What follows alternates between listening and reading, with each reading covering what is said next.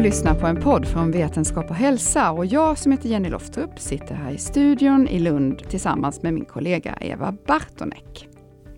Ja, och idag så kommer den här podden att handla om minnet. För vi är ju precis på väg ut med en ny tidning här på Vetenskap och hälsa och den har två teman.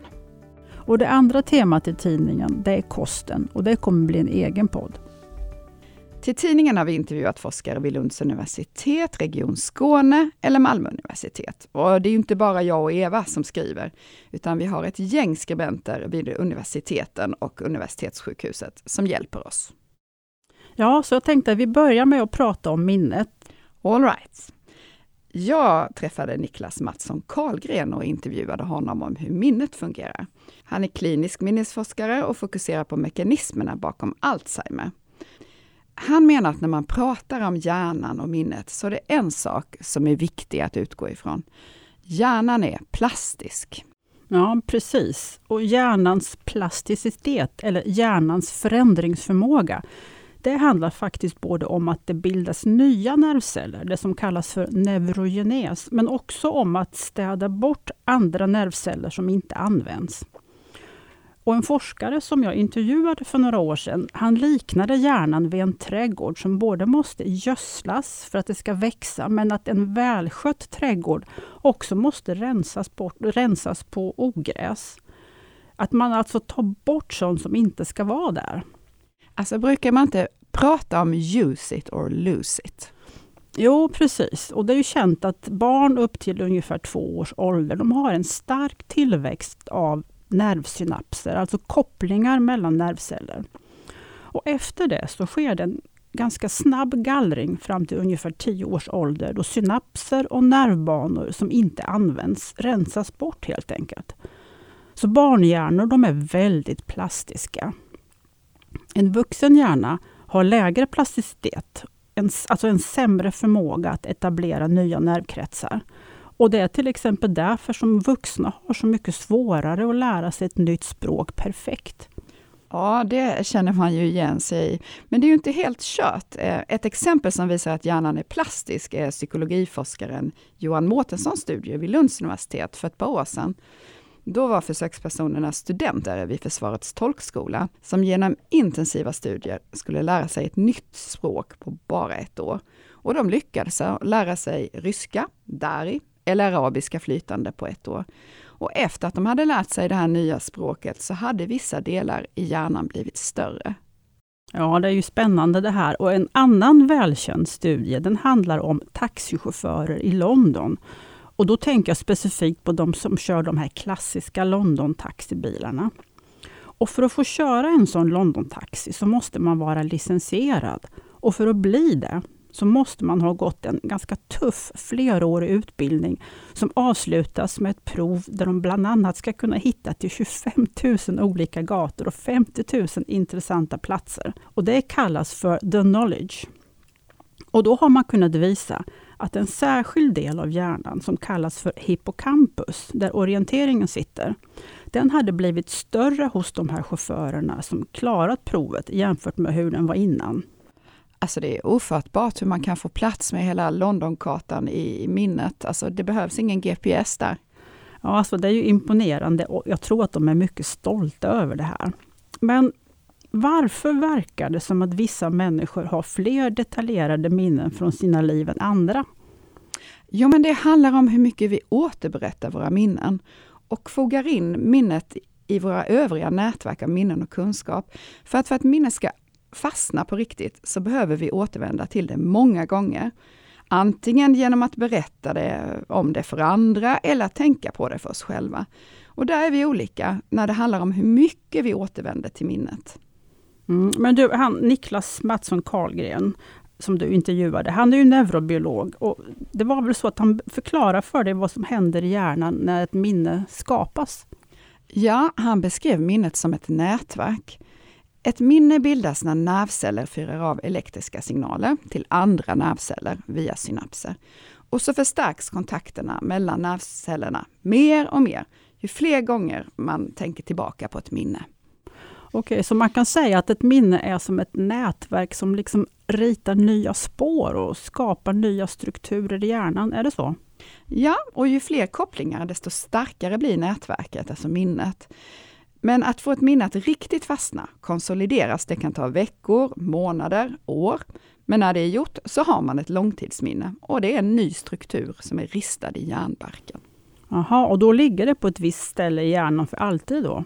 Nej, långtidsminnena är faktiskt utspridda över hjärnan.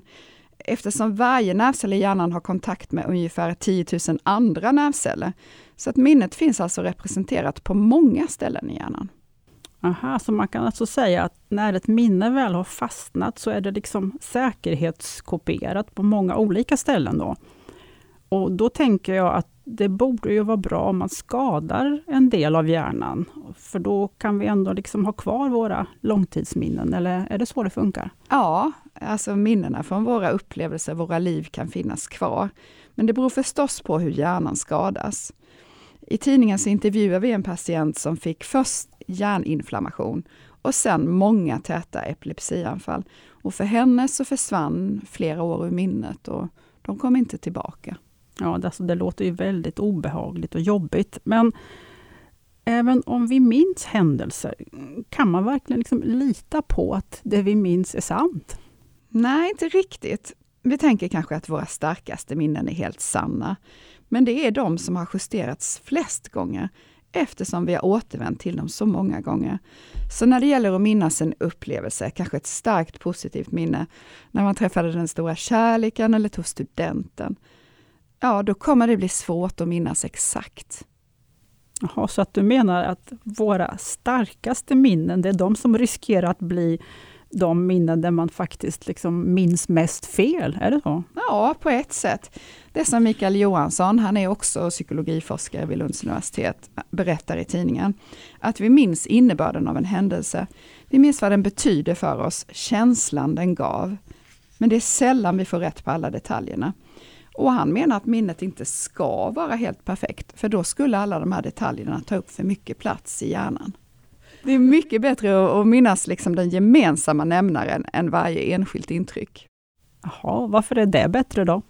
Jo, men det är för att är, vi behöver friare resurser i hjärnan. Och det behöver vi för att kunna planera, förbereda oss för möjliga scenarier i framtiden, reagera. Jag tar ett exempel. För att planera en semester så behöver vi inte komma ihåg våra tidigare semestrar i detalj. Men det underlättar om vi minns de stora dragen.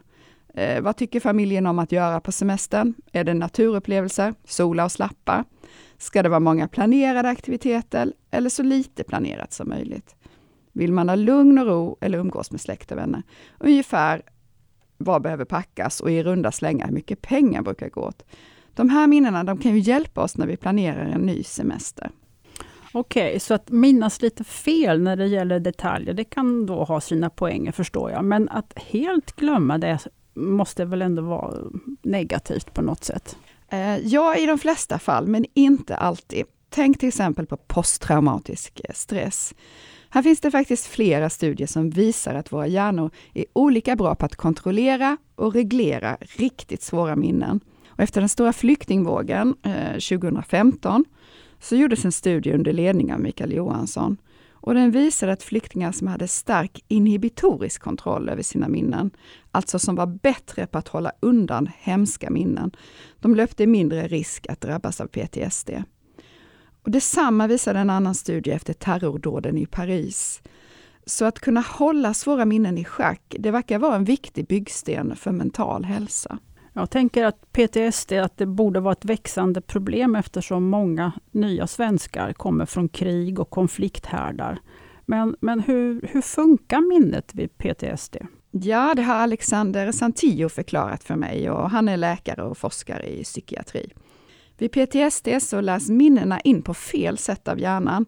Så det är som att minnet pågår just nu. Så det är mer som en mardröm än minnen. Så man är i det här fruktansvärda ögonblicket där man kanske blir våldtagen, hotad, misshandlad. Och då tar ju traumat upp så mycket plats i hjärnan att det minnet som vi behöver i vardagen, det funkar inte som det ska. Så man kan få allvarliga minnesproblem. Men finns det behandling mot PTSD då?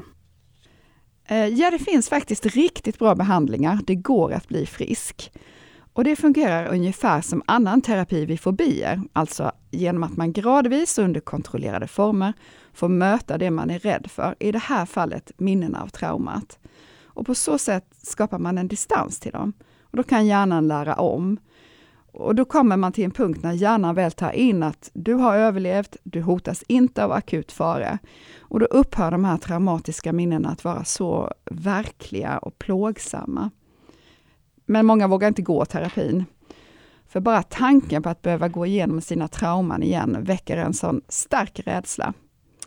Så därför pågår det nu flera olika studier med medicin som innehåller ecstasy, som ska få dem med PTSD att våga ta sig an sina minnen genom terapi. Och det är seriös forskning som man hoppas ska kunna hjälpa många att komma till terapin. Okej, så vid PTSD verkar det vara bra att kunna glömma, eller rättare sagt hålla undan de här svåra minnena. Men för de flesta som drabbas av dåligt minne så är det en plåga. Och många drabbas ju när de blir äldre av olika demenssjukdomar. Och när det gäller den vanligaste demenssjukdomen, Alzheimers sjukdom, så har forskningen faktiskt gått framåt, eller hur? Ja, det handlar dels om att tidigare kunna hitta de som har eller kommer få Alzheimer, eller kanske längre fram även nya mediciner som kan bromsa sjukdomen. En av våra skribenter träffade Oskar Hansson, Alzheimerforskare vid Lunds universitet. Och för två år sedan gjorde han och hans kollega ett genombrott inom Alzheimer-diagnostiken. Med hjälp av ett blodprov och några enkla minnestester så kan man nu med nästan 90% säkerhet avgöra om någon kommer utveckla Alzheimers sjukdom eller inte inom fyra år. Och detta betraktas som en revolution, inte minst med tanke på hur många som söker vård för lättare minnesproblem och får fel diagnos, eller så får de ingen diagnos alls. Men vi är inte där än. Det går inte idag att gå till en vårdcentral för att screena sig för Alzheimer. Men förhoppningen är att den möjligheten ska finnas inom ett par år för de då som lider av eh, minnesbesvär.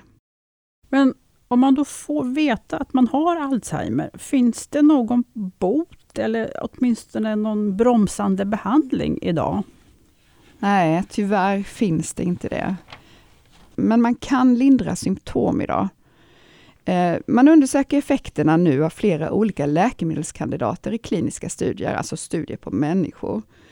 Och flera av de här läkemedelskandidaterna, de lyckas faktiskt rensa bort det skadliga proteinet från hjärnan, som heter beta-amyloid. För beta-amyloid, det samlas och bildar klumpar i hjärnan vid Alzheimer. Så det vill man ju verkligen rensa väck. Och efter cirka ett och ett och ett halvt års behandling, då är klumparna borta. Men tyvärr har det inte gett de här efterlängtade effekterna på minnet och förmågan att tänka. Eh, nu menar Alzheimerforskarna att behandlingen borde ge bättre effekt om den sattes in tidigare, gärna innan man har fått några symptom. Så det ska det forskas på nu. Ja, så det där låter ju jättespännande. Hoppas att de gör några framsteg. Men som väl är så får inte alla demens i alla fall och, och inte ens sämre minne med åldern för vissa. Så finns det någonting man kan göra för att hålla sin hjärna i trim? Ja, forskaren Sölve Elmstål, han driver en studie som heter GÅS, Gott åldrande i Skåne. Och de har följt Skånes äldre under 20 års tid. Så här kan man faktiskt se att det finns faktorer man kan påverka. För 30 procent av risken för att få demens, det styrs av faktorer som rökning, högt blodtryck, diabetes, fetma och för lite rörelse och träning. Så här kan man då påverka en del av riskfaktorerna. Men detta gäller framför allt eh, vaskulär demens eller blodkärlsdemens. Och det är den näst form, vanligaste formen av demens efter Alzheimer.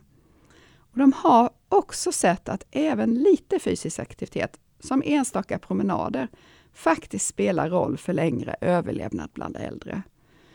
Och sen är det ju så att för oss alla så är träning bra, särskilt träning där man får upp flåset, för då pumpas syret runt bättre i hjärnan och det är förstås bra för minnet. Så konditionsträning som till exempel löpning, det rekommenderas. Mm. Så om man skulle våga sig på en generalisering när det gäller att hålla hjärnan i trim, så är det de gamla vanliga råden som gäller. Rör på dig, se till att sova tillräckligt, undvik tobak och för mycket alkohol, umgås med vänner, lär dig något nytt och ät bra mat. Ja, just det. Men vad är egentligen bra mat? Ja, nu glider vi över på vårt andra tema i tidningen, nämligen maten. Det kommer vi att prata om i vår nästa podd. I det här avsnittet har vi gett er några smakprov från vår nya tidning, som den här gången handlar om minnet, maten och vår hälsa. Och vi har precis publicerat tidningen digitalt på vår hemsida och det finns också möjlighet att beställa tidningen gratis.